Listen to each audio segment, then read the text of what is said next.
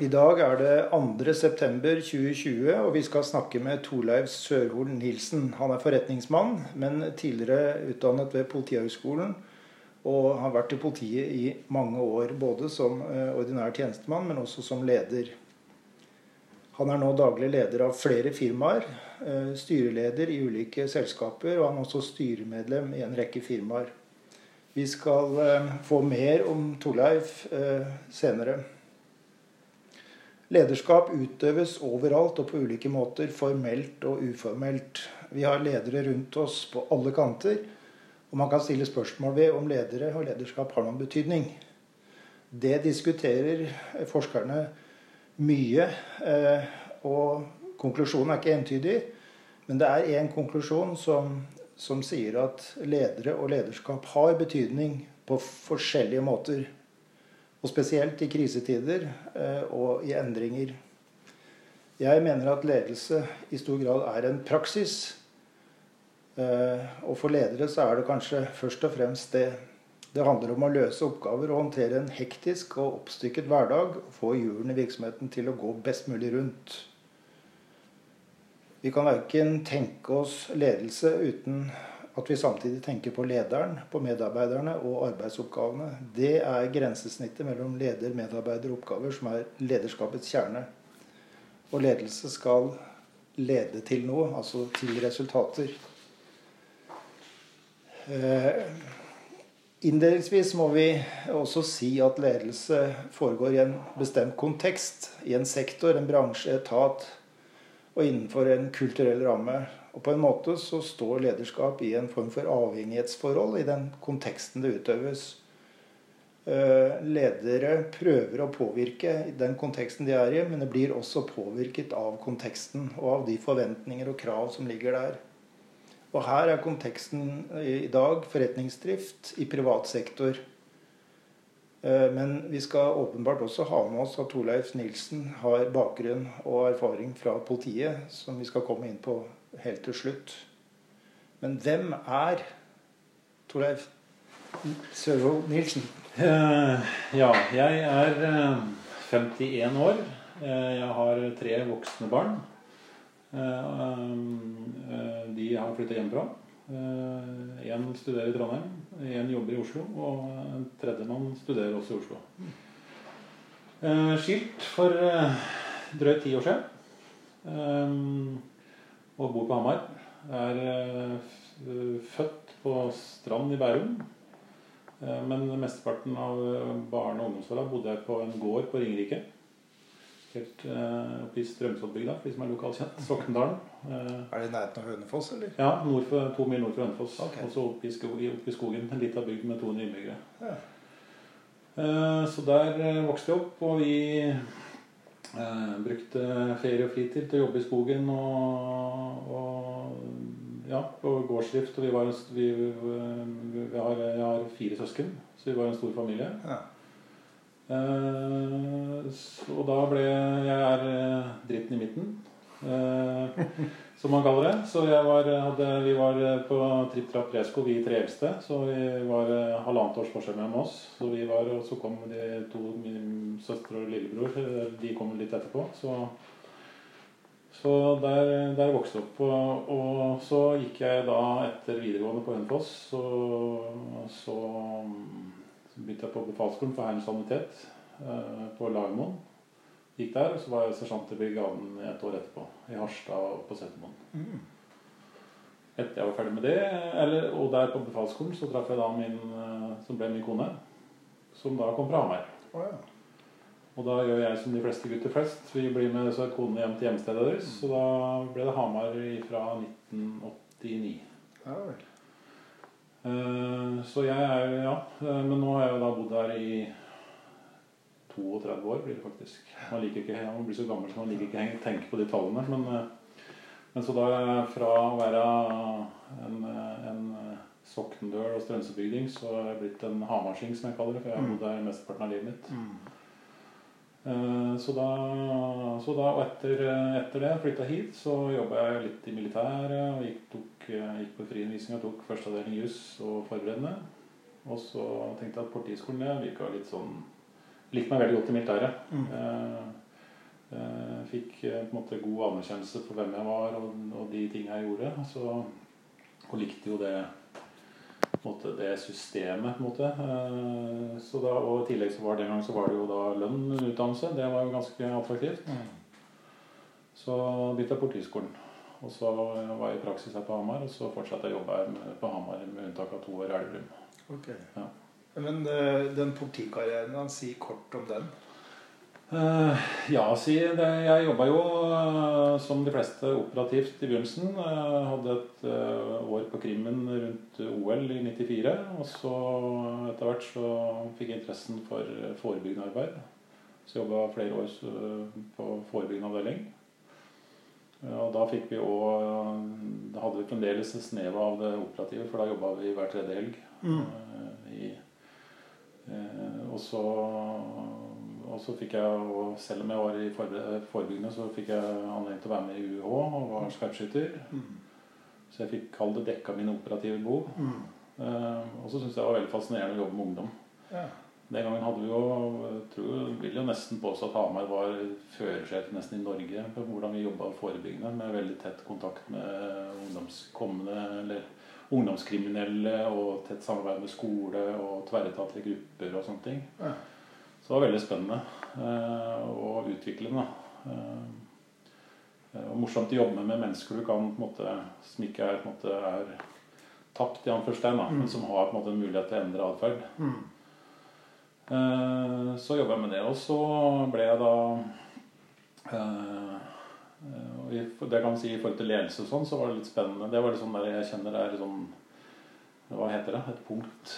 Et skjæringspunkt. For jeg husker vi ble jo da Hedmark politidistrikt i Var det i 2000 eller 2002 eller noe? Kanskje. Jeg husker Kanskje ikke. Nei, og da husker jeg Da skulle de fra vaktleder inne, som i dag er operasjonsleder, så fant man ut at man trengte et ledernivå ute i gata. Og skulle ha innsatsledere. Og da gikk jeg ned til ordenssjefen og sa at den jobben har jeg lyst på. Og da husker jeg han sa at det var veldig bra jeg kom, for han hadde ikke tenkt på meg, for jeg jobba på en annen avdeling. Mm. Så da ble jeg faktisk eh, Vi var i midlertidig stilling et år, og så fikk vi den faste etter utlysning et, eh, et, et år etter senere. Da. Hvor vi da var eh, kall det arbeidsleder ute, pluss at vi hadde fast rolle som innsatsleder hvis det skjedde noe. Så det var jo egentlig en sånn Jeg rakk aldri å bli politibetjent. Så jeg synes det var en eh, Jeg er litt stolt av det, faktisk. At jeg var veldig ung, da. Om, og det var jo også en del utfordringer rundt det. For jeg jo var jeg da også leder for uh, folk som var uh, politibetjenter når jeg gikk ut på politiskolen. Eh, men det var veldig spennende. Og så, og så jobba jeg som det i tre-fire år. Og så ble jeg leder på ungdomsseksjonen, og så etter det så ble jeg leder av politioperativ seksjon. Og nestkommandent på Hamar. Inntil jeg slutta i 2014. 2014, ja. Ja. Og da hadde du altså en karriere på bortimot 20 år da, omtrent i politiet. Ja, jeg tror det ble, ja, det ble akkurat 22 år før jeg jobba Mm. i politiet. Ja. Ja. Da du var yngre, hadde du noen plan om eh, på å si, din karriere og yrkesveien din før du valgte politiet? Nei, jeg har ikke hatt noen veldig stor karriereplan. på en måte, Og jeg tror jo Jeg diskuterte med kjæresten min senest i dag faktisk, i forhold til hvordan eh, det har endra seg veldig på de 20-30 årene fra vi, vi begynte i arbeidslivet. For den gangen så var det på en måte litt sånn Sikkert litt fortegna, da, men altså, vi skulle jo liksom få en utdannelse, få en jobb, og så var det å kjøpe seg et hus, og så finne seg en, eh, en akseptabel partner, og så var det å starte reproduksjon av seg selv, og så var man i gang. Men nå er det liksom mye mer at man skal realisere seg selv, man skal ha en karriereplan. og det Eh, Men jeg har jo hørt mye rart om forskning rundt det òg. Man skal jo ikke sette seg for, for eh, store mål for tidlig heller. For, det, for jeg, min, min filosofi er i hvert fall hvis du gjør en god jobb og være ærlig og redelig i det du driver med, så, eh, og ønske å utvikle seg hele tida, så kommer på en måte mulighetene av seg selv, da, i anførselstegn. Eh, fordi at, I hvert fall gjort for min del. eh, At jeg har fått følt at jeg har brukt meg masse og fått mange spennende utfordringer. Du må vite litt om eh, fritida di også. Du, eh, du er en sporty mann, eh, vet jeg. Og jeg tror også at du er jeger. Ja, det stemmer. Ja. Eh, Så fritid det går jo mye med, med, med selvfølgelig praktiske gjøremål. For det, så er det jo det å prøve å trene. Eh, Jeg tenker det, Å trene er jo som å være investor. Da. At du får stort sett igjen det du legger inn i innsats. Ja. Så jeg har jo et, et sterkt ønske om å bli sprek gammel mann. Ja. For jeg ser jo at det er, det er veldig forskjell på en som er 70 og en som er 70. for å si det sånn. Mm. Noen er jo spreke, og det lyser jo liksom Jeg kaller det lyser jo faenskap ut av øya på dem. Og noen har liksom eh, blitt helt grå og tusler rundt. Så, og det er jo mulig å, å, å si, leve lenge og lykkelig etter landet her. Eh, Så, så det har jeg jo lyst på. Så da må man jo trene og holde seg i form, da. Mm. Og så jakter jeg litt og eh, mot, kjører motorsykkel. og liker eh, Har en fantastisk vennegjeng. Vi drar til Afrika annethvert år. Eller Afrika eller Asia eller Amazonas. Så jeg liker jo liker å leve på en måte livet, da. At Et aktivt liv. Et aktivt, ja, aktivt liv, ja. Jeg ser lite TV. Ja. Ja. Hva var grunnen til at du avslutta politikarrieren og gikk over i forretningsaktivitet og næringsvirksomhet? Det var på en måte, Jeg sier sjøl at det var nesten litt tvunget handling. Det er jo sikkert ikke det. Men eh, vi, jeg har jo drevet litt med business på si i mange år. Eh, Min familie på morssida har eid et eh, stort selskap eh, som heter Jordan, som vi solgte til Orkla i 2012. Som har vært i familiens eie i 175 år. Så det, Min mor og far var ikke veldig involvert i driften, men, eh, men eh, men vi drev, jeg satt i bedriftsforsamlinga der i mange år. Så satt jeg i styret de siste to-tre årene før vi solgte det. Så, så da tok det jo litt tid før eh, transaksjonen var gjennomført, og sånn, og så kom jeg til det punktet at jeg, jeg har jo prøvd å, å, å sette bort forvaltning mot andre midler. Og, og det er jo liksom plusser og minus med det. Jeg ønska på en måte å, å, å ta aktivt del av det sjøl. Mm. Og så prøvde jeg en periode å jobbe sånn 50-50, men eh, det er vanskelig å jobbe med så to forskjellige fokus. og Du kommer i interesse- og rollekonflikter, og du eh, og så I tillegg så får du ikke så veldig spennende jobb i politiet i 50 stilling heller. Nei, nei det, Så, så, så det ble en eh, Jeg prøvde, eh, fordi at man, jeg er jo veldig politi i, i sjel og sinn, da, føler jeg sjøl fremdeles. Men, eh, men eh, Så det var en tung, tung beslutning, på en måte. Men jeg jobba som sagt et par år, to år i 50 stilling og var prosjektleder og sånn. Men, men da skjønte jeg at det, da, det er en tid for alt. Mm. Ja. Kan du fortelle litt om de virksomhetene som du, har, eh, som du eier og driver, og som du har ulike roller i? Eh, Det hovedgeskjeften min, da, det er vel eh, det, er vel det jeg driver med mitt eget Jeg har et eget investeringsselskap som har da på en måte investert i forskjellige, forskjellige ting, både over tid og nå. Og så jeg driver jo Det jeg bruker mest tid på, det er jo nå, det er jo eiendom. Eh, Vi har et eiendomsselskap eh, som eier sammen med en fra Gjøvik. eh, Hvor vi da har kjøpt to store gårder her på Hamar og to mindre på Gjøvik og ønsker å bygge en portefølje sånn at vi etter hvert kan drive med strategiutvikling. Nå har vi jo på en måte gjort Vi tar jo på oss kjederesten og, og kjører søppel innimellom, vi altså. Så var ganske hands on og liten administrasjon, eller ingen administrasjon borte fra sjøl. Og så har jeg forskjellige selskaper. Alt fra startup-selskaper til eh, styreleder og deleier i et elektroselskap. Eh, jeg sitter som eh, investor og styremedlem i et, et lokalt forsikringsselskap. Jeg har et eiendomsselskap til. Jeg har kjøpt noen eiendommer selv alene og utenom dette her. Mm. Og har også noen, også noen Kall det veldedige verv. Jeg sitter i styret i fotballen her, lokal fotball her i mange år. Og sitter som styreleder i noe som heter SMISO, også støttesenter mot incest. Mm. Uh, Som jeg føler at det er liksom veldig givende og også Mm. Ikke for at man går og tenker penger hele tida, men at det er også morsomt å treffe nye mennesker og se Mm. andre kulturer og, og, sånn, og, og bidra hvis man kan det, da. Går det an å si noe overordnet hva som kjennetegner de firmaene som du har eh, enten eierskap eller andre former for engasjement i? Det er et godt spørsmål. Vi, jo, vi har ikke noe sånn stor eh, strategisk eller skal si, altså en sånn tanke. Men det som jeg tror som går igjen, det er jo på en måte at, at det skal være ryddig og ordentlig, på en måte, det vi driver med. Eh, Vi er eh, ærlige og redelige og skal være fair å forholde oss til. Vi driver jo business, Mm. men, eh, men vi har tro på at liksom det å være eh, ryddig og ordentlig og, og til å stole på da, er en eh, viktig, viktig, Mm. viktig faktor. Og så er det alltid Så jobber vi jo i et område som jeg, som jeg har Jeg føler sjøl har veldig vekstpotensial, altså Hamar-regionen. måte. Det er jo veldig som man sier her, at det er en, kanskje om noen år så er det en forstad til Oslo. Mm. Eh, at, og det er et fantastisk sted å bo. Mm. Eh, så, eh, men i forhold til filosofi og sånn, og det er jo liksom eh, Jeg tror det der, eh, det der ærlige og ryddige og til å stole på er liksom vesentlig. Eh, Det er jo helt solide både verdier og dyder. ja, ja, ja, ja, ja. Så, og samtidig så er det ikke noe mer fiksfaks enn det heller.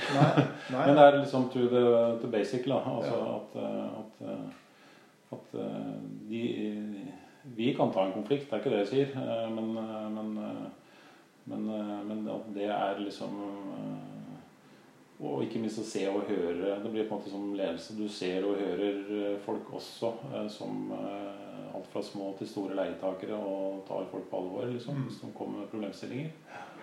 Så å være tilgjengelig på en måte.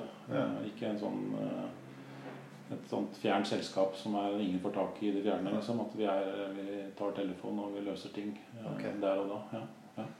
Hvis du skulle sette deg inn i rollen som en velmenende forretningsmann, kollega i, i det man kanskje kan kalle bransjen, Mm. hvilken fortelling ville vedkommende ha fortalt om de selskapene du har en rolle i? Nei, jeg, jeg håper da at, at det er litt det jeg sa. At, at vi er at vi er eh, ålreite folk å ha med å gjøre, liksom. Altså at det skal være uh, Vi vi skal være kvalitet i det vi driver med, og være tilgjengelig. på en måte, Og, og ikke minst stole på. Har vi avtalt noe, så er det ikke noe og det er ingen som prøver å lure noen. At vi kan være uenige om ting, eller at eh, det er en utgift vi skal ta, eller dem skal ta, eller man diskuterer ting. Og nå har det vært korona, noen har jo hatt utfordringer, noen har jo hatt uh, bedre, bedre økonomi enn noen gang. liksom, så men at man da skal kunne forstå og sette seg inn i andres eh, situasjon, måte, det, det er vesentlig. Og det er jo det er litt som man snakker om ledelse. Det er jo også en slags form for ledelse. Det er jo å bli sett og hørt. Liksom, det er jo viktig for alle. Eh, og så er det liksom det der med å Jeg vet ikke om det er eh, hedmarkingen, på en måte, men å være litt jovial, da. Ja. Det, er, det er viktig, faktisk. Eh, eh, så det håper jeg at man kunne si om det. da. Det å være jovial er vel kanskje en form for smøremiddel i, i relasjonen mellom mennesker? Ja, det er det, altså. Og det er jo og overraskende Jeg har tenkt på det mange ganger. Det er liksom overraskende lite som skal til da, Ja. Eh, for at medarbeidere eller kunderelasjoner eller hva det måtte være, måtte føler seg sett, liksom. Det, det er jo bare småting, men, eh, men det, er, det er veldig viktig. De firmaene som du eh, eier og driver, har åpenbart gjennomgått en form for utvikling. Hva er de viktigste grepene organisatorisk og ledelsesmessig du har tatt fram til nå? Eh, Jeg tror jo Jeg sier til her, her på Edvardsen Elektro, som jeg sitter som litt sånn arbeidende styreleder, så er det, det, det er mest med, med folk å gjøre. Eh, De eiendomsskapene blir på en måte mer relasjon i, i leietagermassen. Men, men, men, men, men det, det er liksom eh, og som jeg har tenkt på, som har en egenskap du tar med deg fra politiet. For vi driver jo mye med dokumentasjon og alle disse tingene. Så, så det er en struktur og systematikk i det du driver med. Eh, Det er, det er viktig. Alt fra eh, hvordan kontrakter ser ut, hvordan, eh, hvordan har vi agendaer til styremøter, hvordan eh, skrive styremøtereferatene, hvordan ikke minst da, eh, følges beslutninger fra forrige styremøte opp. Mm. Som ofte erfarer at noen ganger svikter. Det er liksom det at eh, to do-lista den blir litt borte. Man går gjennom referatet fra forrige gang, og så er det noen merknader. Nei, det er ikke det. Og så går man videre. Men Mm. så ligger det igjen mange beslutningsprosesser og Mm. rapporteringspunkter som skulle vært tatt igjen. da. Så det med struktur og system, som jeg også har kopiert fra etaten, det, det er vesentlig. Og det i tillegg for en sånn rolle som jeg har nå, så er det veldig stressreduserende. da. Ja. For da slipper du å gå rundt og tenke på hva du glemte fra forrige måned. Mm. Hvis du følger da systemet ditt, så, så kan du slå av PC-en klokka fire-fem Mm. Og være ferdig med jobben. For da, da jobber du videre. Det er ikke noe du har glemt. Mm. Eh, Interessant. Ja. Vi kommer mer inn på det. Jeg har et spørsmål senere om Mm. hvor vi sammenligner eh, forretningsvirksomhet og politivirksomhet.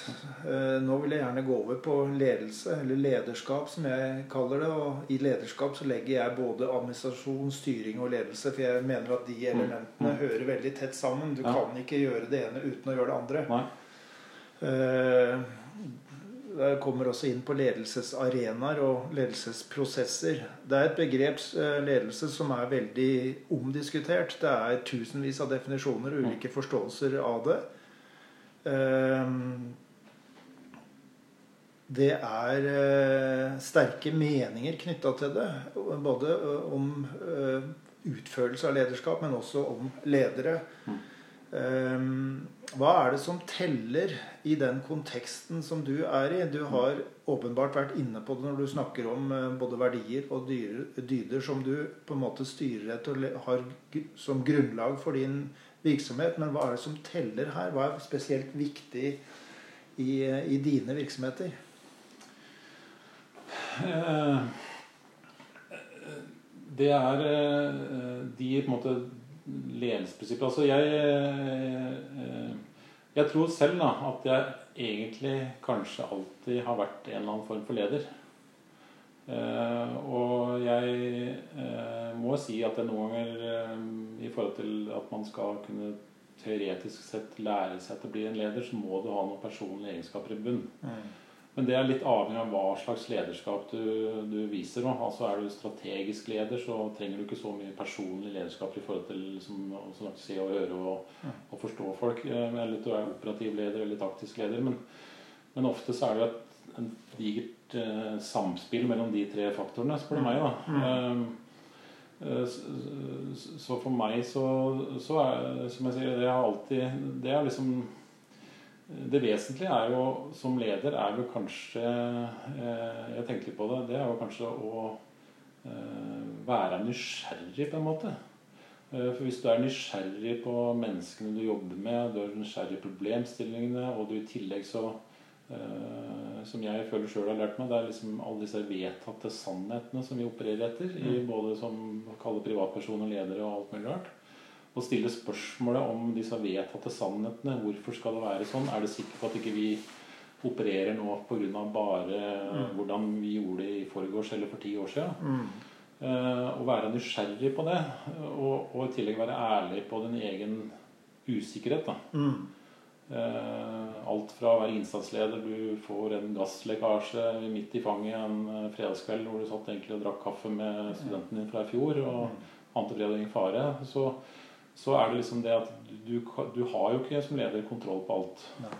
Og du må vise tillit, og du må være, gjøre deg sårbar. Eh, for, for verken jeg eller andre ledere har alltid alle svar i armet. Eh, så det er, tenker jeg det er en styrke da, for de rundt deg at du øh, Og ikke minst, som sagt, utfordre øh, og eh, kanskje være nysgjerrig. Altså, og, og, ikke minst tørre å si fra hvis du ikke vet. Mm. Eller tørre å spørre hvis man ikke vet. Jeg har blitt dytta inn i ganske mange eh, situasjoner der jeg føler meg underlegen i forhold til kompetanse. på en måte. Mm. Eh, eh, men jeg har alltid turt å stille spørsmål hvis ikke jeg skjønte eller lurte mm. på. Mm. og det har jo jeg aldri fått eh, kalle kritikk eller pepper for. For du, du, viser jo bare da at du er ydmyk, og du, mm. du og du sitter og, og, du er faktisk interessert i det, det selskapet eller den jobben du har. For at du, du ønsker å tilegne deg noe du ikke kan. Mm. Så det, det, tror jeg er Jeg vet ikke hvordan man skal summere det. Ydmykhet. Tørre å være usikker, på en måte. Og, og, men også, også, mener jeg også det med humor og lett tone er ekstremt viktig. Da. Å lage en atmosfære for Kall det god stemning. da. Mm. Eh, og ikke minst også tørre å være privat. Mm. Det er også viktig. Eh, jeg husker jeg bare rista på hodet en gang. Det var en sånn direktør i et eller annet selskap som ikke ville ansatte som venner på Facebook. Nei. Så tenkte jeg at, eh, Ut fra mine perspektiver da, så tenkte jeg at du bommer veldig. Ja. Hvis ikke du tør å vise hvem du er, så kan du kanskje heller ikke få tillit. da. Eh, kanskje litt hardt, da, men, men bare sånn i hvert fall sånn eh, så jeg tror, det, jeg tror, det, er viktig. da. Ja. Jeg tror det alltid har vært Og så er jeg aldri redd for å, å stått fram. For jeg husker òg jeg jobba ute i gata når, da var jeg ung konstabel. Og jeg tok liksom, var aldri redd for å ta mine egne beslutninger eller uten å være liksom det, var, altså det er jo den naturlige reaksjonen, den naturlige settingen som var der. på en måte, så så, så, har jeg alltid ønska om å gjøre ting på en bra måte. Mm. Uh, om det er da uh, si, uh, Om det er da et ønske om å få anerkjennelse, eller ønske om å få gjøre ting bra. Jeg vet ikke hvor det ligger, men det er på en måte det Jeg har alltid aldri vært, jeg har aldri vært flau for den jobben jeg har gjort. på en måte. Ja. Selv om alt, det er ikke sikkert resultatet blir eh, alltid perfekt, men det er alltid at et ønske om å gjøre en bra jobb. Hvor mener du ledere generelt sett henter eh, sine ressurser for lederskap fra? Eh, det vet jeg, men for mitt vedkommende i hvert fall så var det jo på en måte Jeg føler kanskje Nå ble jeg kanskje litt unorsk når man, når man prater fram seg sjøl, men, men jeg, jeg, tror jeg, har, jeg, tror jeg, har, noen egenskaper som er naturlige lederegenskaper. Eh, men så fant jeg òg jeg, jeg, sto jo i den brente køa for å komme inn på LO 1 og 2, jeg òg, den gangen jeg søkte. Som var lederutdanning eller politihøgskolen? Ja, ja, ja. Eh, så tenkte jeg at eh, nei, dette vil jeg gjøre sjøl. Så jeg gikk på Lillehammer et år. Og, og av flere grunner, da. Men også for å treffe noen andre, få noen andre impulser enn bare politiet. Mm. Og jeg syns det var veldig nyttig. Noen fag var skuffende, noen var veldig bra. og vel, Der er det avhengig av hvilke forelesere du får. Mm.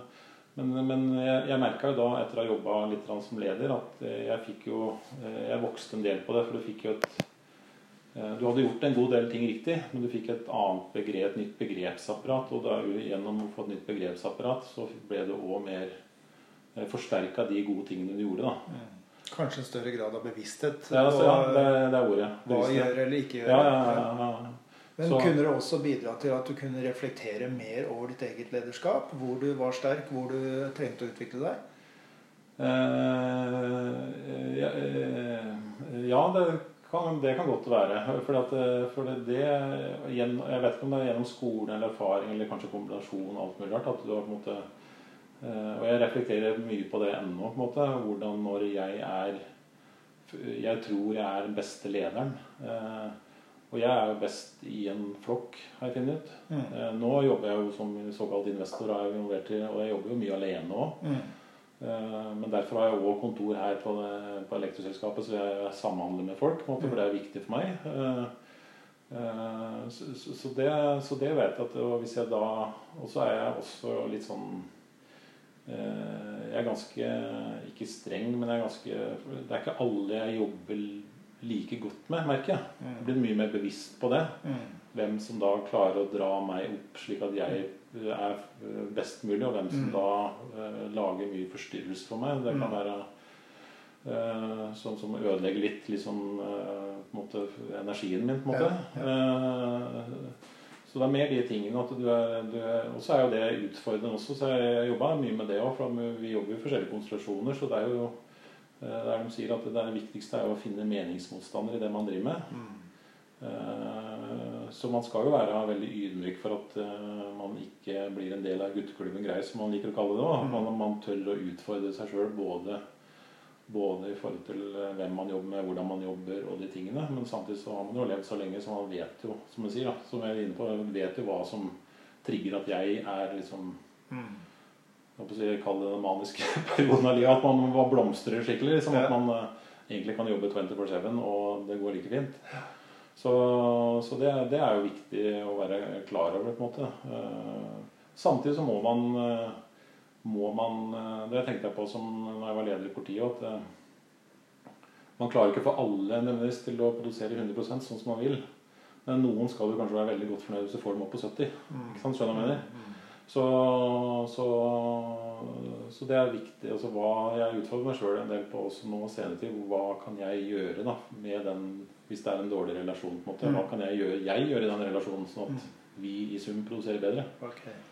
Eh, og det er utfordrende, på en måte. Eh, men, men, det er viktig å ta med seg. i hvert fall. Ja. Har du en, eh, en, hva skal vi si, en slags form for ledelses, lederfilosofi? Og i tilfelle, hva, hva er det? Jeg, Jeg syns det er et veldig vanskelig spørsmål. Men, men jeg tror jo kanskje det der med som var litt inn på før, litt sånn ærlighet og jovial og, og være til å stole på, på en måte. Og, og, og ikke minst eh, se folk på eh, i hverdagen, og, og ikke minst gå foran, da, Ja. som et godt eksempel. Og, og gå foran og ta den vanskelige jobben noen ganger sjøl. Mm. Altså, de kalte vel det 'managing by walking around' en gang i tida. Ja. Ja. det. Ja. Det tror jeg er veldig viktig. Eh, å, å, å gå foran eh, som et godt eksempel. Eh, og ikke minst gå foran og, og ta støytene. Liksom, Mm. når det, når det, og ikke minst være en ressurs. Da, og være eh, det ydmyk for det du ikke kan. Ja. Eh, det tror jeg eh, også viser på en måte det noen kaller svakhet. Da. Eller, men, men, men og, og jeg tror jo Jeg vet ikke jeg skal ta et eksempel, men jeg husker jeg var ordenssjef. Så da husker jeg var nyskilt, og barna var hos min, min ekskone og på julaften. Og da, men da visste jeg at de fleste ville jo være hjemme på julaften. Da Mm. jobba jeg julekvelden sjøl. Mm.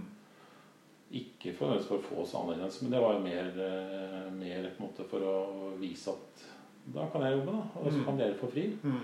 Og Det er for meg kanskje et sånn godt eksempel på at Mm. man må gå foran. på en måte da. Mm. Interessant. Det må jo bemerkes at eh, vi har hatt et kollegialt eh, kjennskap til hverandre i ganske mange år. Ja. Jeg husker jo at du kom som aspirant til Hamar. eh, Og at du raskt ble lagt merke til. Det mm, på en positiv måte. ja, hyggelig. Takk. Med, tilbake til ledelse. Mener du at lederskap er en viktig ressurs for organisasjoner generelt sett, og konkret i, i dine organisasjoner? Ja, det er veldig viktig. Og så er det på en måte Det er den, eh, den balansen å, å være eh, Være den lederen. Eh, Du skal jo vise retning. Du skal eh, stille forventninger. Du skal legge forhold til rette for at du skal gjøre en god jobb. Og så er det samtidig en kunst å, å slippe det før du vet helt sikkert at dette går bra. Skjønner du? å Gi tillit, da. Ja. Eh, For ideelt sett så, så er det jo satt opp sånn i hvert fall Det er, det er sånn indirekte Kall det ikke er personalleder direkte, da, men, men sånn at, at du lar de under deg vokse. For det er jo en ideell situasjon for meg også. At, at, eh, at eh, butikken går rundt Mm. uten at jeg er her. Mm. Hva jeg mener? Ja. I de forskjellige selskapene. Så det har jeg for så vidt en egen interesse i òg. ja. Eh, for det, men, eh, men eh, det er jo helt klart. Og jeg har utfordra de selskapene vi har vært på. Så det er jo noen selskaper hvor folk ikke har eh, Jeg min egen erfaring. Altså som, har, eh, som har høy grad av faglig kompetanse og masse gode egenskaper, men ikke har formalkompetanse i ledelse. Så Mm. det, det utfordrer jeg på hvordan man da kan legge til rette for sånn at de også får det. For jeg mener det er viktig. Jeg Mm. fikk veldig god nytte av det selv. Så at du lar som jeg pratet på før dette altså Vi har tre mantra. Det er liksom produktutvikling, produktutvikling Produktutvikling er de tre viktigste tingene i en business, og det ligger så mye dypt og bra i det. Også så hvis vi utvikler oss Jeg utvikler meg, de jeg jobber med sammen, utvikler seg. Eh, produktet vi leverer, utvikler seg. Så, så kommer på en måte litt sånn bunnlinja litt av seg selv. Mm. Så det, er, det, er, eh, det syns jeg er veldig viktig.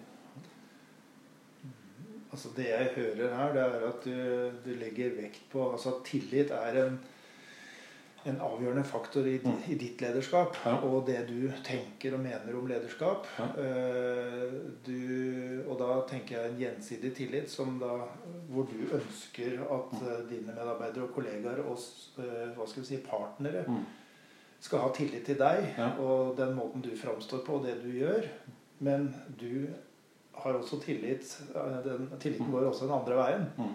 Og det er vel Det er jo ikke noe hokus pokus i det. Tillit er vel helt avgjørende i de, i de fleste menneskelige relasjoner. Mm. Og det å være bevisst på det å kunne vite hva som bygger tillit, og hva som river ned tillit. Mm. Ja.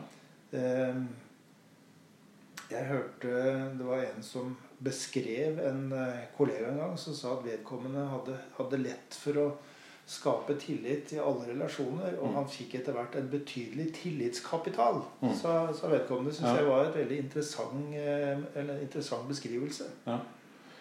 Ja, og jeg, jeg tror det, og det er tilbake til det, det de kaller joviale, eller at du, du eh, det er veldig viktig å kunne se seg sjøl i speilet hver morgen og tenke at eh, det er jo ingen som måte har noe på meg. Da. Eller, altså, det er kanskje det høres en negativ inngang, men altså, det jeg mener er uh, at, at, du hele tida er ærlig og redelig, og du er du, du, er til, du viser at du er til å stole på, og så er, så, og så er det litt med jeg, jeg, tror det kommer inn en personlig faktor òg, hvordan man fremstår og er. Og det er kanskje det derre vi, som jeg også lærte på skolen, det med magefølelse, som vi tror, som er en sånn i, eh, hva heter det nå en, en, automatisk handling. Men det er jo på en måte, som, som jeg leste, det er jo en summen av all erfaring mm. og kompetanse og tilegne deg som gir deg den magefølelsen. Mm. Eh, og, det er jo, og, og, det gjør jo at eh, Skal vi si at jeg har en ganske eh, stor og god magefølelse. Ja.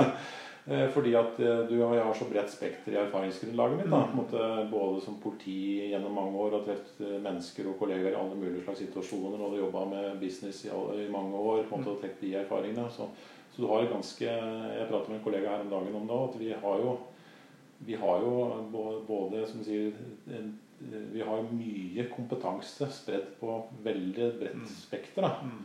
Ehm, eh, så du kan jo veldig mye om mange ting. Mm.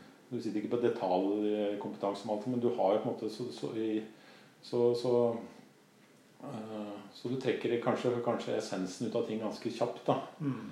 Så kan man jo være forutinntatt som alle andre, og du har sikkert uh, Vi har våre fordommer som alle andre, og, og det må man jobbe med. og, og Uh, og, så, og, så, er jo det som i det, som jeg sier altså det, det lærte jeg òg i forhold til de der tankekartene vi lever i. ikke mm. sant? Som, som ble beskrevet når jeg gikk på Lillehammer. Fra man er liten, så vet man at ser man forskjell på buss og fly. Når man mm. begge er brum-brum, og så lærer man til slutt at den ene er fly, den andre er buss. ikke sant? Og de tankekartene har vi jo i hodet alle mann. i forhold til uh, ja, for Noen vil ha et bilde av hvordan politiet er. Ja. Andre vil ha et annet bilde. og så, så, lærer man en ny ting, og så får man endre tankekartet sitt. Og sånn er det jo bevisst på at man da hele tida også er åpen for å endre tankekartet sitt. Da. Det er ganske vesentlig, tror jeg òg. Nysgjerrighet knyttet til hvordan man tenker og hvorfor man tenker slik man gjør. Ja, ja og spørre hvorfor. Og ta, ta, seg tid til å spørre hvorfor. Ja. Eh, Derfor liker jeg kontoret mitt òg. For da har man mulighet til å sitte i andre etasje, sitte og se utover. Ja. Og tenke litt, ha tid til å tenke litt hvorfor noen ganger. Ja, det tror jeg eh, hvordan da? Eh, er det sikkert det er sånn? Ja. Det kan være at hele Norge sier at det er sånn, men er det sikkert at det er riktig for deg? Nei, det er ikke sikkert det er riktig for deg. Du eh, nevnte innledningsvis at du eh, gikk befalsskolen for Hærens sanitet. Mm. Eh, og jeg har lært meg at kvintessensen, eller kjernen i lederskap, slik man lærte i Forsvaret, var mm. å løse oppdraget og ta vare på dine den gang menn, ja, ja. medarbeidere. Er, det, er det en, hva skal vi si, noe du har med deg fortsatt som en måte å tenke på? Ja, for jeg, jeg må innrømme at jeg eh, bruker mye Husker vi I Forsvaret så lærte vi alle disse forkortelsene for mm. eh, fempunktsordre, om eh, PIK-SIB, som vi kalte det, om ledelse. Ikke sant? Planlegge, iverksette Kan det bare ennå? ikke sant? Planlegge, iverksette, kontrollere, støtte, informere, bedømme. Ja.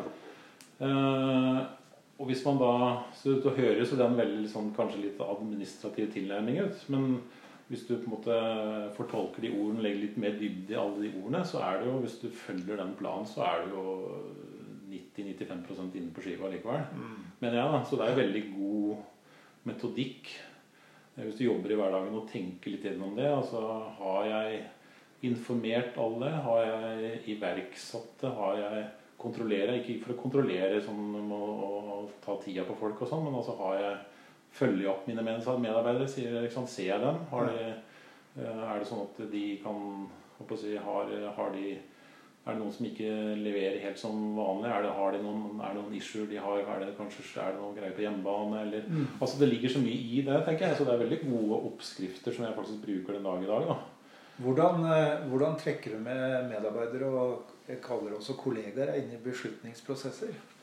Jeg, jeg, og det er sånn, ja, litt inne på tillit. da, og, og Jeg kom på det når du oppsummerte i stad. Det der med å, å, myndiggjøre folk. da, mm.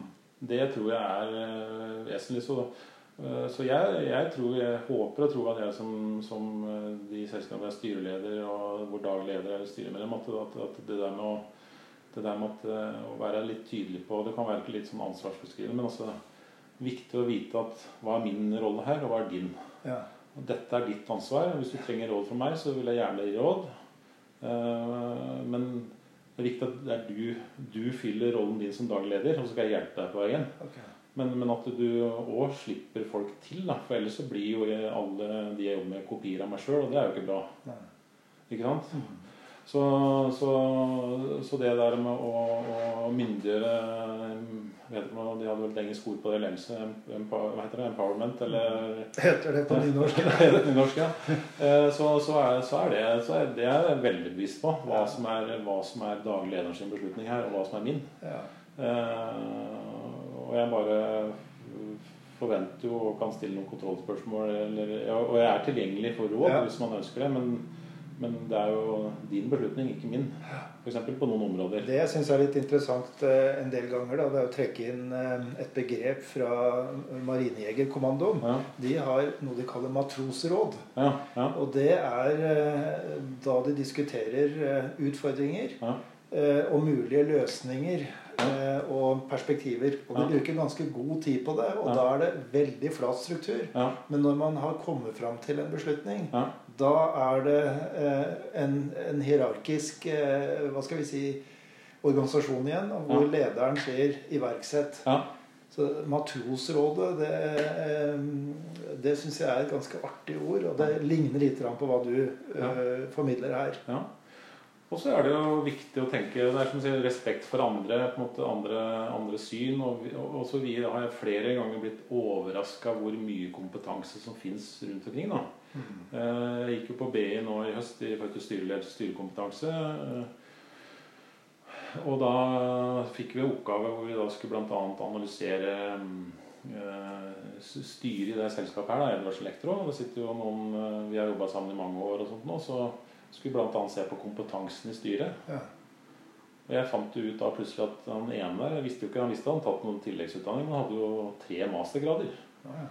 Ikke sant? Altså, altså skjønner du hva jeg mener? Ja. At, at, og han, de var mastergrad som var veldig relevant for oss. Men den, det var jo min eh, blame da, som styreleder. Ikke brukt visste om det, ikke brukt kompetansen. Så sånn kan det være i alle ledd. ikke sant? Det kan jo være en som, eh, en som har en eh, underordna stilling som har plutselig en kompetanse og erfaring som du liksom kan bruke. Så, så, så det matrosrådet har jeg veldig sansen for. At du mm. bruker Og da, i tillegg så får det en tilleggseffekt at du da da føler jo folk at de har blitt sett og hørt av muligheten. Ja. Og da er det jo verre å på en måte sitte på enten det er piketten i politiet, eller ja. om det er på spiserommet her eller der, eller å være misfornøyd med ledelsen for at de har på en måte ikke eh, sett. Og så er det viktig andre veien også at eh, det er ikke alle Det tenkte jeg på noen ganger i politiet òg, at det er ikke alle beslutninger du kan sitte og kanskje riste litt på huet på nede på spiserommet, som du har kompetanse eller det hele bildet til å vurdere selv. Mm. Så du må på en måte også stole på noen av de lederbeslutningene som er tatt. da. Mm. For de er gjort på et annet grunnlag enn det du sitter med selv i, mm. på, på, spiserommet. da. Mm. Så det er jo viktig å fortelle folk. Mm. Eh, og da må det være kanskje en, en Hvis det blir noe, kall det noe surmuling eller noe misnøye, eller noe, så er det viktig også å skjære gjennom og si at da viser man også litt lederskap, mener jeg. da, mm. Og, og kaller det parkere noen baller. Mm. Ja. I uh, ditt daglige lederskap så tenker jeg at du både skal holde et blikk på hva som skjer her og nå, mm. men du er også nødt til, for det skal være lønnsomhet, til ja. å tenke framover. Ja. Hvordan balanserer du det driftsperspektivet mot det strategiske perspektivet? Eh, det varierer litt. Eh, jeg synes det var, jeg må personlig innrømme at eh, vi tok jo over noen F.eks. på eiendom tok vi over noen gårder her på Hamar i, i, i, 2016. Og det ble en Vi visste jo at det var kanskje så rett og da litt dårlig drevet og lå etter både med, med drift og vedlikehold og mange sånne ting. Og det var kombinasjonseiendom med mye leiligheter og sånn. Og da ble det veldig operativt. Mm. Og det ble også Eh, hvor det var dag-til-dag-hendelser, og jeg følte at jeg kunne sette Ideelt sett skulle jeg bruke to dager i uka til det, men det, det ble avbrutt hele tida i hver tankerekke. Det var veldig slitsomt, og det var veldig krevende. Men nå har vi på en måte kommet mye videre, så nå har jeg mer muligheten da, til, å, til å tenke lenger fram og få tid til å drive med utvikling. På, jeg har noen startup-selskaper jeg er med i, og får lov til å være med. Eh, og min tipp-tippoldefar som starta Jordan, han var jo en gründer. Så det er liksom kanskje litt den lille røde tråden som ligger meg. For jeg har jo følt at jeg har, jeg har gjort noen bra dealer nå og kommet godt i gang. Den, den planen jeg har, men, men det har, er jo vært morsomt å, å vise min tipptippoldefar at jeg også kan være gründer, selv om jeg har andre forutsetninger enn han. Ja, ja, ja. Så, jeg mener. Så, så det er jo kanskje den lille våte drømmen som er i tillegg til å forvalte disse For jeg føler jo og selv om jeg driver aktiv business, så er jeg, jeg sier alltid at jeg er som en, en, en, en gårdsbestyrer. At planen er bare å levere den gården videre til neste generasjon litt bedre enn det jeg tok over den. At gjerdet er at låven er nybeisa, og vi har tre flere kuer på gården enn det vi hadde da jeg tok over. Det er liksom planen. Og så er den lille våte drømmen bak der er jo på en måte å finne en eller annen nytt forretningsområde som kanskje ingen har tenkt på før. da, Som Mm. kan eh, Ikke nødvendigvis for å tjene masse penger, men det er på en måte å lykkes som gründer. da, Det hadde vært spennende. Det hadde, det hadde vært en liten fjær i hatten for meg sjøl. Men hvor langt er tidsperspektivet ditt da, hvis du tenker generelt for alt du holder på med? Nei, det er, eh, det er evighetsperspektiv, egentlig. Eh, Men jeg lever jo ikke evig, jeg. Så, eh, og det er jo kanskje det jeg sliter litt med. For det er jo plusser og minus med alt i livet. Også, også dette her. Noen vil kanskje hevde at jeg, jeg er privilegert for at jeg kom fra den familien. og eh, men det har vært masse utfordringer med det. Og jeg- mange ganger har jeg tenkt at eh, det hadde kanskje vært bedre å vært ordenssjef på Hamar. Mm. Jeg hadde jo hatt det bra da òg. Men, eh, men eh, så, så det er jo spørsmål Perspektivet mitt går kanskje til jeg ikke orker å drive med det lenger. Så er barna mine ganske unge, så jeg vet ikke om de er interessert i å drive med dette her. Nei. Eh, Det vil si at du, altså du er ca. 50 år Ja. og tenker da åpenbart 20-25, kanskje 30 år fram i tid. ja, ja. Hmm. Men så sier jeg samtidig til mine gamle Jeg har mye venner i politiet nå som er like gamle som meg selv. Og det er litt sånn skrek å tenke på. For om hvis jeg hadde fortsatt i politiet, hadde jeg vært pensjonist om sju år. Nei, seks år. Det er jo meningsløst. Det er meningsløst, men ja, det er en annen diskusjon. Og, og, og jeg har en veldig sterk eh, eh, tanke å si at all, eh, pensjonsalderen burde vært eh, KPI-justert. Altså ut fra forventa levealder. For det er jo helt meningsløst å pensjonere friske, voksne, kompetente mennesker når man er 57. Mm. Men det som sagt blir en annen Men jeg sier i hvert fall til mine venner at eh, jeg skal få aldri kalle meg pensjonist, og det er du om seks år. Mm. Så, så vi får nå se. Hvis vi går, eh, hva er det som motiverer deg i rollen som, som leder? Eh, Det er å få til noe, altså få de på en måte eh, eh, Få ting til å fungere. Og det er på mikronivå, egentlig. da. Altså Det er jo alt som jeg sier Vi tar jo på oss kjeledressen noen ganger og jobber i disse gårdene selv. Og kjører søppel og tar med hengeren og Men det, der, det kan være det møtet med ene leietakeren som er fornøyd. Jeg pratet, var nede i går og da pratet med en pensjonist som bor hos oss. Og han sa at det var helt, blitt helt fantastisk å bo der, for det var så mye tyll og bråk og fyll og spetakkel før. Nå, før Han sa det ordrett at før så var det, var det politibil utafor for inngangen der nesten daglig. Nå har han ikke sett en politibil der siden 2016, sa han. Så han syntes det var blitt så Det eh, trigger meg, da. Ja. Jeg har gjort på en måte det vi har gjort. Det har gjort på en måte hans liv bedre Mm. på en måte. Eh, og så er det jo å få til ting, da, sånn som eh, vi hadde for et par år siden. Da pussa vi opp den ene gården, og da fikk vi til samarbeid med kommunen og jobba med kunstnere. Så fikk jeg et sånn kjempemotiv på ene veggen, bakveggen av gården. Og som det ble masse skriverier i avisen, og noen var misfornøyde i starten, og det ble kjempefint. Mm. Det er veldig morsomt. Mm.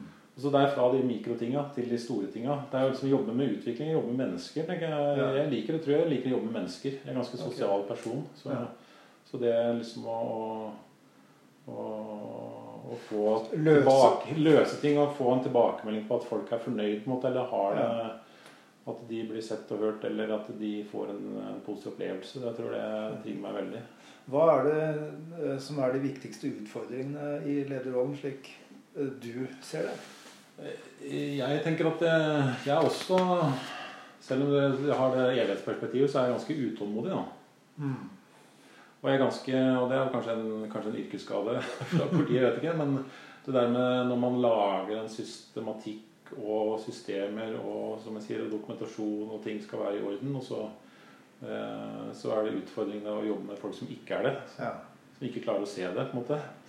Eh, og, og, og det jobbet, det utfordrende er å jobbe med på en måte eh, vi som har jobbet, Alle som har jobba nå, har jobba med kollegaer eller med som ikke man liksom får den store kjemien med, Mm. eller og, og tenker eh, tenker likt. Men som, som jeg sa, det er jo utfordrende istedenfor å tenke at folk er dumme eller ikke forstår, så er det jo på en måte jeg tenker jeg mer og mer på at det er min rolle å Men så samtidig så kan man jo ikke bruke masse ressurser på, på folk man ikke Som ikke aldri kommer til å forstå heller. Eller altså aldri kommer på bølgelengde. Altså, så, så det er jo eh, både en pluss og minus. Jeg vet ikke. Eh, så, så det, det, det jeg er nok Det som krever mest av meg, det er vel kanskje mest det der med at jeg, når vi er blitt enige om en ting og lager system, og så, og så som du sier, altså du kanskje går ut bredt for å få med folk med på Mm. å gjøre det, og så, og så er vi enige, og så er det noen som ikke gjør det allikevel. Mm. Det er kanskje det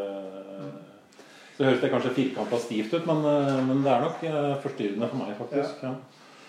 Vi har snakka ganske mye om ledelse, hvordan du tenker om ledelse, hva du eh, har som en grunnmur for ditt lederskap. Mm. Hva eh, forbinder du med begrepet lederdyktighet?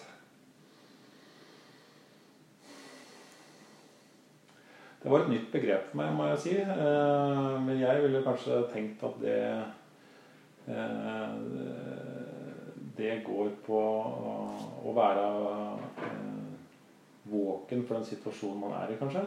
Ja. Eh, Et man fint begrep på det er å kalle det kontekstuell intelligens. Ja. Nei, det, det, vil jeg, det ordet ville aldri brukt. bruke du sagt i munnen. Nei, jeg bare tuller. Men, eh, nei, men ja, det, det, jeg tror, jeg tror det å være, det, det å være våken for hvilken relasjon og hvilken situasjon du er i, på en måte, og være våken òg for eh, de signalene man får, da, kanskje. At du kanskje litt innom magefølelsen som du er innom. Altså hva er det eh, Nå merker jeg at Rune er litt annerledes i dag, f.eks. Ja. Eh, Og tørre å spørre hva er det som er Tørre å spørre det ubehagelige spørsmålet, da. Eh, Eller ikke ubehagelig, altså, men tørre å være ærlig på at jeg, jeg ser at det er noe annet. Eh, Er det noe du har lyst til å fortelle meg? Nei, vel, du har ikke lyst til å fortelle om det. men Da er det greit. Mm. Da har jeg likevel sett deg, kanskje. Ja, ja. Eh, Eller å være tilgjengelig. Og, jeg tror det kanskje å være våken for uh, de signalene man uh, I stedet for å tenke at alt går over. på en måte. Mm. Så er det balansegang òg, for det kan jo bli veldig krevende. at Folk må jo få lov til å ha en dårlig dag på jobben eller whatever. da Men, Mm. men jeg tenker at det skal jo aldri. liksom Og så også, også de liksom Klapp på skulderen, og så er det de småtingene i hverdagen. Mm. Og så eh, Sånn som her om dagen så var det to stykker som satt og jobba med noe fiber ute i gata her. Så gikk vi og leverte en is til hver. Mm. Og de vil jo da anerkjenne dette elektroselskapet her for resten av livet sitt. Ja, liksom. ja. For det var jo en opplevelse som de ikke hadde forventa. Så det å de ser folk og tar disse småtinga, tenker jeg det er lederdyktighet. da. Hvordan blir man god som eh, leder i de selskapene du sitter og leder i? Hva er det som skal til? Eh, Det var et krevende spørsmål. Eh, Jeg, jeg tror eh, hvordan man blir god, det er på en måte Jeg tror man må ha en viss grad av gjenklang i det man driver med. Hva mener du med gjenklang? Eh, Det at du, Nå kan jo det kanskje tolkes som at man trenger mye tilbakemeldinger. Det er ikke det jeg mener egentlig, men, men det at du må på en måte Du, du kjenner at, at eh, relasjon og det man driver med, er nyttig. Mm. Eh, Relasjonen utvikler seg. eh, Og det er på alle nivåer i organisasjonen, fram og tilbake, opp og ned, sidelengs. på en måte, At, at, at, at det, er det, det er, det er det vesentlige. For hvis man ikke har Eh, Det blir nesten som jeg hadde foredrag på forebygging. Ikke sant? Og start, Jeg var jo liksom slutten av 20-åra skal ha foreldremøte for 200 foreldre på videregående skole. Ja. Jeg var jo så nervøs og holdt å kaste opp. ikke sant? Men det blir nesten det samme. Du, men det gikk jo et halvt minutt, så følte du at du hadde folk i hånda di. Mm. Skjønner jeg mener? Ja.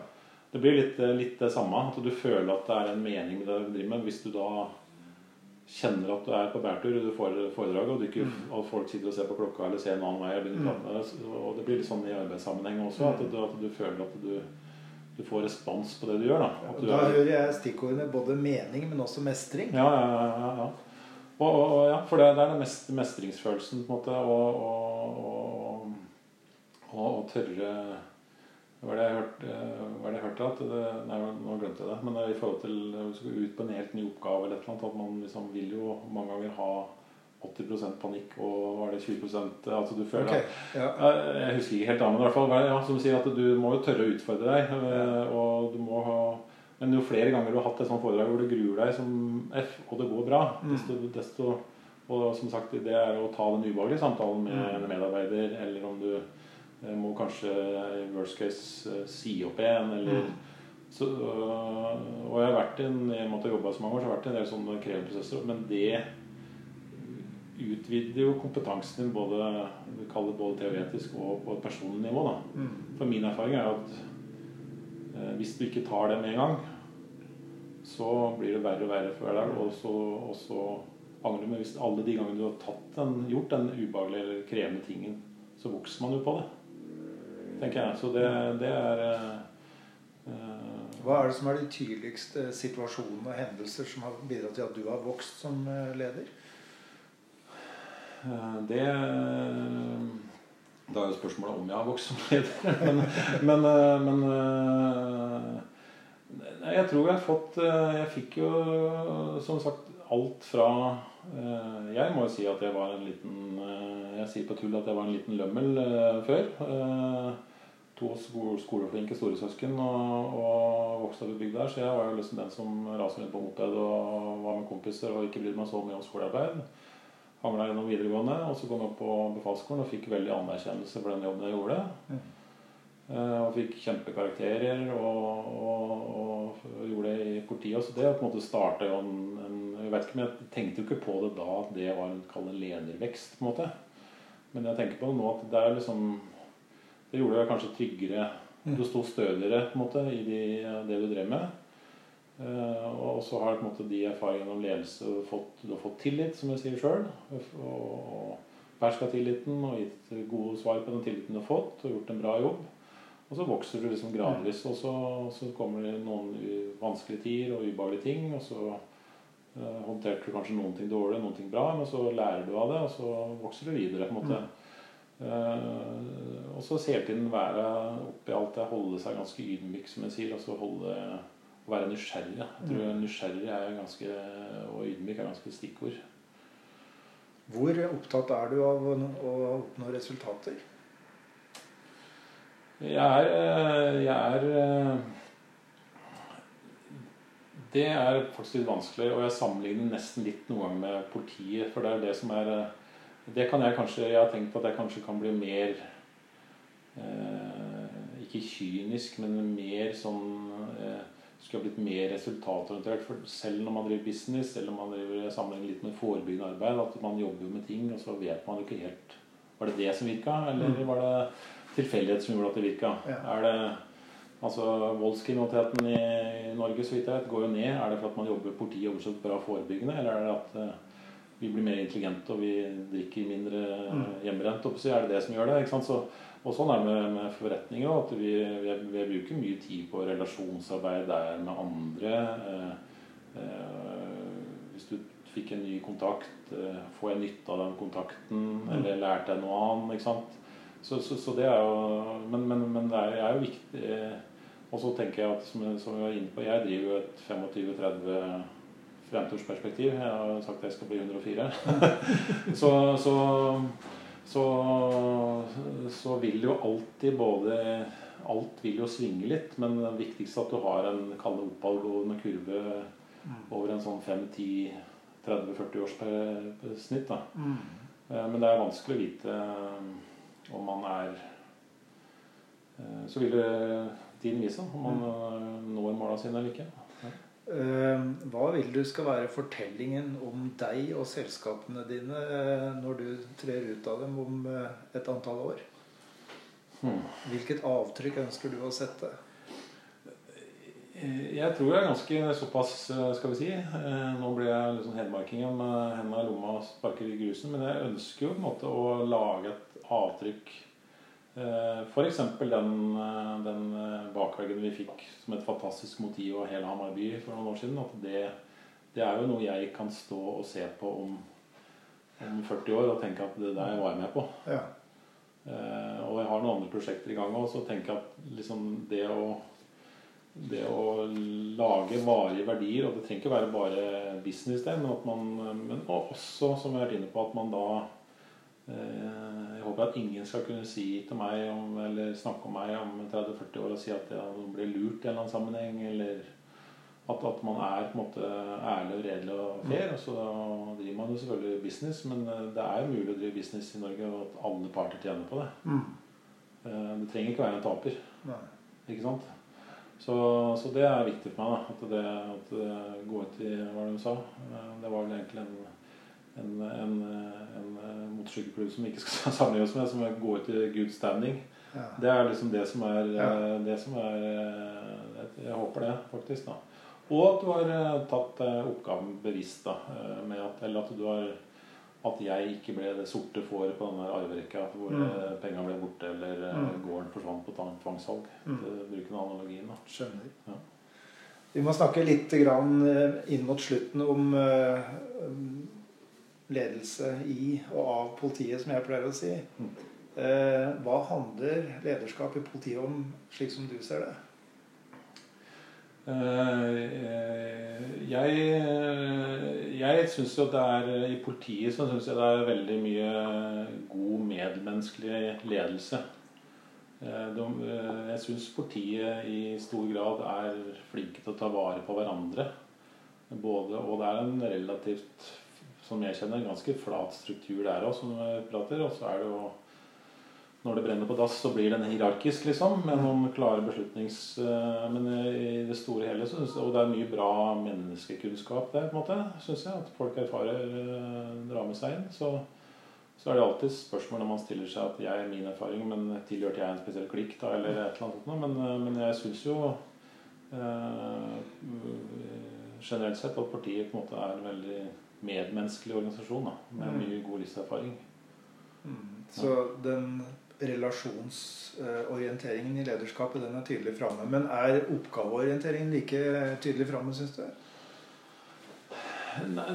Det er kanskje litt mer spørsmål, på en måte, tenker jeg noen ganger. Om, om, om er eh, politi eller offentlig sektor eh, Blir de eh, for mye i seg sjøl, eller de, har de liksom den der samfunnsrollen sin langt fram i panna? Mm. Det kan du kanskje stille spørsmålstegn ved, om man er flinke nok til det. Eh, fordi, for jeg må jo si at man driver jo på en måte min erfaring om man, det som Jeg sier, jeg har liksom bilder på det at jeg tror jo politiet er jo veldig god på operativ ledelse. Når det skjer en stor togulykke som vi hadde her for mange år siden f.eks. Eller, eller jeg tror også politiet er veldig gode på å etterforske kompliserte saker over tid. Altså pusle dette puslespillet til det er komplett. da. Mm tror de er også veldig gode på en god systematikk og struktur på, på det greiene. Og så, så, følte jeg at de har mye å hente på, på måte, kall det sånn eh, Hvordan bruker vi ressurser, bruker vi ressursene våre riktig? Eh, at det eh, ikke er så langt framme i politiet? Nei, nei, og administrative systemer og struktur har vi Mange tror at politiet kanskje er liksom Der er det i hvert fall orden og reda liksom fra, fra bunn til topp, eller motsatt. da, men men, eh, men, jeg tror ikke de tar inn den nødvendige strukturen i hele organisasjonen og alle, alle sine virksomhetsområder. Da. Det tror jeg faktisk ikke. Mm. Så der har de en del å hente. Og de, jeg vet ikke helt uh, hvorfor det er sånn. Uh, men det blir jo også en etat på godt og vondt da, som, som, er på en måte samfunnskontroller. Men det er jo ingen nesten Selv om man har spesialenheten, så er det jo ingen som kontrollerer den etaten heller egentlig ordentlig går etter den i sømmen på hvordan man bruker ressursene sine. og så, så, så, Syns du at det er for lav grad av ressursbevissthet uh, i politiet? Ja, jeg, jeg syns faktisk det noen ganger. Uh, det er sikkert veldig godt dårlig eksempel, men, men jeg spiller jo innebandy med de gamle kollegaene mine ennå. Nå får jeg ikke gjort det under koronaen, men men da var, satt vi og prata i en pause, og så i fjor i forfjor sa de hadde fått et nytt hylster til pistolen. Mm. Uh, og da skulle alle en halv dag på kurs. Så tenkte jeg at det hadde jo ikke gått i privat næringsliv. Så kan man hevde at, at, det er veldig viktig, og det er veldig viktig at man trekker pistolen raskt. og Men jeg tenker at det hadde vi ikke gjort der. Det hadde vi ikke hatt tid til. Da hadde vi gått konkurs her i Edvardsen Elektro eller elektroselskapet mitt hvis vi skulle hatt alle på en halvdagskurs for at vi bytta fra Bosch til, eh, til eh, stil eh, skrutrekker. Eller altså drill, da, hvis du skjønner hva jeg mener. Selv om jeg skjønner at det er en mye viktigere jobb. Det, det er jo liv og død og alt det der. Men, men, sånn der, men så er det kanskje systemet er litt feil òg, for det sitter jo på godt og vondt sitter Riksadvokaten i Det sitter jo Politidirektoratet med ressursansvar, og så sitter eh, Riksadvokaten eh, med sine føringer uten ressursansvar, og så sitter Politihøgskolen uten ressursansvar, men, men har påleggsmyndighet i den deltang, og sitter da, inn, sitter da hos Riksadvokaten eller Politihøgskolen og, og, og, vurderer ressursbruken i forhold til de påleggene de gir, f.eks. Eh, og så er det jo liksom, som jeg også sier, at i et privat selskap så har man to kolonner, inntekts- og utgiftsside. Mm. Eh, men i politiet så har man nesten bare én kolonne, det er utgiftssida. Og spørsmålet er om du da klarer å vri ressursene nok eh, fordi at sånn som de fleste andre skal er lønnskostnad er den store, mm. store kostnaden. Men jeg får liksom litt følelsen av at politiet så er liksom den kostnaden den er liksom, Ok, vi betaler lønn, men den, den er jo på en måte borte allikevel. Mm. Men, men det, da er det viktig å tenke at den ressursen står igjen. Det mennesket som jobber der. Mm. Så hvordan bruke det, den ressursen riktig. Og da er vi også inne i en større diskusjon om, uh, som jeg nevnte for deg før, liksom det med straffereaksjoner. At man dytter kanskje det allmennpreventive veldig langt foran seg. Da. Uh, kan man tenke mye mer kreativt i forhold til straffereaksjoner? Hvilke saker jobber vi med? kan vi jobbe i de sakene hvor vi har pedagogisk påvirkning på, på gjerningsmannen. Altså, de mange saker vil jo folk ha lært for lenge siden, før mm. politiet begynner å kalle folk til avhør. ikke sant? Mm. Så, så det er, men det er en veldig stor diskusjon. og det er jo også, jeg, jeg tenker også det er viktig at man har liksom disse store, trauste organisasjonene som politiet, på en måte som er en sånn fast base for samfunnet vårt mm. og demokratiet vårt. Mm. Så det er jo ikke alle som skal drive med veldig mye utvikling og kreative metoder. Nei. Nei. Så det er å finne balansen i det. Men jeg tror, jo, jeg tror kanskje mange eh, Jeg tror man kunne kanskje, kanskje ikke minst fått til litt ekstern kompetanse. Litt mer bredere ekstern kompetanse i politietaten. Og sett litt på hvordan man kunne jobbe litt mer effektivt. Ja. Det er jo et satsingsområde nå, med ja. å utvide kompetansetilførsel. Ja. Ehm, sett på bakgrunn av din erfaring som leder i politiet, men også utenfor politiet, hva vil du si eh, er eh, effektiv, hvis det går an å spørre mm. sånn, effektiv lederatferd i politiet? Eh, jeg tenker at det der som jeg var inne på, det med det å ha det der samfunnsansvaret og, og, og, ikke bare for selve jobben og rollen sin, men også samfunnsansvaret for de kronene som blir brukt. Ja. Det er jo på en måte sårt oppsparte eh, penger fra staten som går med dette her. Som da folk betaler skatt og, og, og får til samfunnet til rundt. Så det er kanskje det der med, med, med, med samfunnsansvaret både på det økonomiske og og den rollen man har. da, så, som jeg sier, altså, Så å skape trygghet, lov skape trygghet og lov og orden, at det er det vesentlige. Eh, og, og, jeg husker jeg diskuterte en gang med forebyggende er det den faktiske trygghet det den, eller den tenkte trygghet som er viktig. Mm. Eh, for vi lar jo på en måte Og jeg syns jo kanskje politiet er med å løft, dra det opp for at de eh, disse store riksavisene de kan kanskje liksom eh, Hvis det har vært for knivstikking i Oslo, så leser jo gamle fru Olga det i Ålesund og tror at det er mye knivstikking i Ålesund. Så da er det veldig viktig at politiet kanskje må De skal jo advare mot uheldig samfunnsutvikling, men det er jo Norge er et veldig trygt land å bo i. Og du kan gå eh, si, berusa rundt i Oslo også uten å bli, få juling og bli knivstikket. Eh, men allikevel er det mange som ikke gjør det. For at man er redd. Og, da, og det er jo på en måte, da må kanskje politiet ha en mye mer aktiv rolle i media og gå ut og vise. Mm. Eh, men så kan du si at eh, hvis politiet er en markedsaktør, så har de interesse, mm. ressursmessig interesse. Da, på at, at man, det er veldig stygt sagt, men, men, de har jo Jeg tror ikke de er så kyniske. Men, men jeg, jeg, tror jo veldig på at at uh, politiet kanskje må være mer uh, ute i media og fortelle de gode historiene også. Ja. Og bruke, uh, bruke, bruke, media aktivt og fortelle at altså, det er et trygt land vi bor i. Og så har man selvfølgelig utfordringer på noen områder. og så må man være, være Ja. Mm. Bidra til at vi, For det er veldig mange som sier at det har blitt verre nå, f.eks. Mm. Det har det jo ikke. Nei, det var ikke det. Eh, hvis vi ser på lederrollen i politiet igjen, hvordan betrakter du den rollen knytta til å være rollemodell og kanskje en form for kulturell arkitekt? Er det, er det en viktig rolle ledere i politiet har, etter din mening? Ja, det er en veldig vesentlig rolle, mener jeg da. Eh, og, og, som vi har vært inne på, liksom det der med å eh, gå fram eh, som et godt Og, og gode eksempler. Ikke minst ta med seg det samfunnsansvaret inn i forskjellige diskusjoner. Forstå andre etaters gjøren og laden. Og, være veldig tydelig på noen punkter da, i forhold til det, det at de Ja, jeg tror det der samfunnsansvaret og, og og, det krever enda mer. Og jeg har jo merka det selv. Ikke sant? I hvert fall politiet i en liten by, for da, der veit jo alle hvem du er. Mm. Jeg var jo, brukte jo media aktivt når jeg jobba med forebyggende eksempel, og var jo avisa som innsatsleder og sånn. Og jeg visste jo at jeg, jeg, selv om jeg hadde lyst til å bare kaste fra meg bilen på torget for å hente pizzaen min, så kunne jeg ikke gjøre det. Jeg måtte parkere den på en lovlig plass. Mm. Så, så, du er jo på en måte rollemodell 24-7 i en by som i hvert fall Hamar.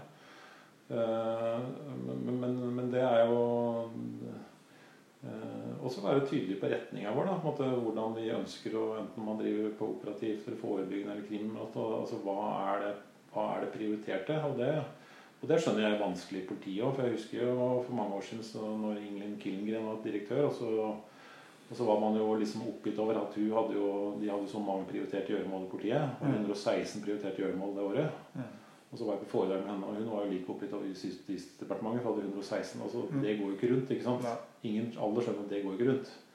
Så jeg skjønner at, så, så det er jo kanskje Det er en utfordring som altså det er noen man ikke kan Så må man på en måte prøve å gjøre jobben sin uh, best mulig. Men uh, det er jo fremdeles, selv om det er jeg vet ikke om det er det fremdeles, 116 prioritet i gjøremål i politietaten. Men, men så er det jo fremdeles Var det en som leder i politiet sa? Man måtte prioritere mellom det prioriterte. ja. Så jeg skjønner at det er en utfordrende, utfordrende hverdag. Og det er jo uh, ressursknapphet. Og, uh, og, det var jo på en måte flere hoder å spille på, kanskje i gamle i hvert fall operativt sett. Mm. men da er det jo på en måte viktig at man da bruker tida si godt, da, tenker jeg. Mm. Ja.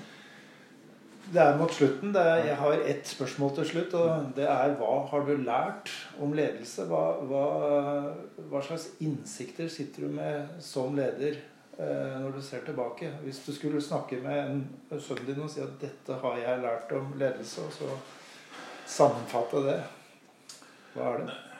Jeg tror det er å være, være ærlig og, og, og, og tørre å stille spørsmål, tørre å være ydmyk tørre å ta beslutninger. Eh, og, hva er det jeg skulle si At det der med å eh, At man skal eh, vær, aldri være noe andre enn den du er sjøl, mm. f.eks. òg. Mm. Du blir avslørt på et blunk. Mm. Eh, og være åpen for dine svakheter, spørre om råd, involvere folk.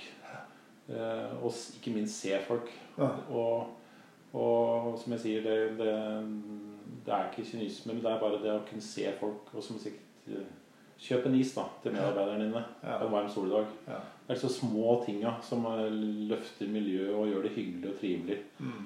Eh, og ikke minst ha det morsomt. Mm. Det, er liksom det, det, er viktig å ha det morsomt, og at latteren eh, sitter løst. da. Det, det, er veldig energiutløsende, og det er tillitsvekkende og alt mulig rart. Mm.